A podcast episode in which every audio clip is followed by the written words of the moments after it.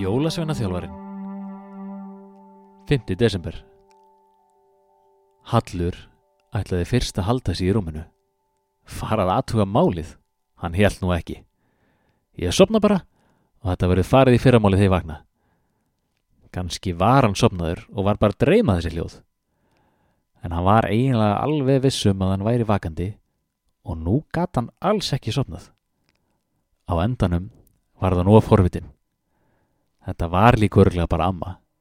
Hún hefur ekki getað sofið og ákveðið að fara niður í eldhús og fá sér eitthvað að borða. Hann var reyndar smá svangur þegar hann fór að hugsa um það. Kansk hún geti gefið honum eitthvað nætursnarl. Hann smegði sér fram úr og lætist fram. Á miðjum ganginum, að steganum, fekk hann bakþanga. Hann reyndi í skyndi að muna hvaða dagur veri. Getur nokkuð verið að stekkjastur sér komið? Nei, það getur ekki verið. Það er enþá nokkur í dagar í hann. Eða er hann kannski bara vistaliðinu til byggða og hefur stoppað hérna til að laumast í smá mat eða á klósettið. Hallur lættist áfram og sá eftir að hafa ekki farið í öllasokana sína áður en hann laði á stað. Þá myndi ekki heyrast eins vel í fótatækin hans. Ætli amma sé kannski að pakka inn jólagjöfunni til mín á meðan hún heldur að ég sofi. Hann smokraði sér niður fyrstu þrepin á steganum og settist þar. Þaðan gatt hann séð inn í eldhúsið fyrir neðan svo lítið bæri á. Hjúk! Þetta var þá bara amma sem stóð hann á nottkjólnum sínum.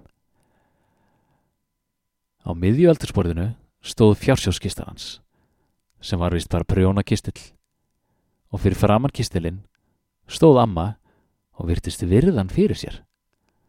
Alltaf hann að fara að prjóna núna um miðanótt.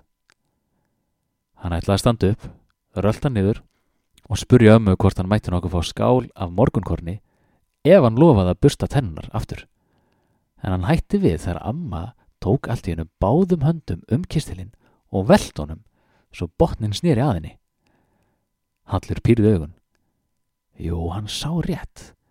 Það var annað skráargat á botni kistilsins. Hann hjælt í sér eftirvendingunni. Það er leinihólf. Þetta er fjársjóskista. Amma tók upp leikilinn sem hann hafði náði fyrrum daginn og stakk honum í skráarkatið. Hún snýri liklunum og allt í hennu opnaðist botnin eins og skapshurð. Lítið hólf kom í ljós, ótrúð í fjall, saman brotið blað. Fjársjóðskost. Það hluta vera. Amma tók blaðið upp og horfið á það um stund. Svo gekk hún skindilega ragleiðis fram í forstofu, fór í kápuna sína og skó og gekk út um útidinnar.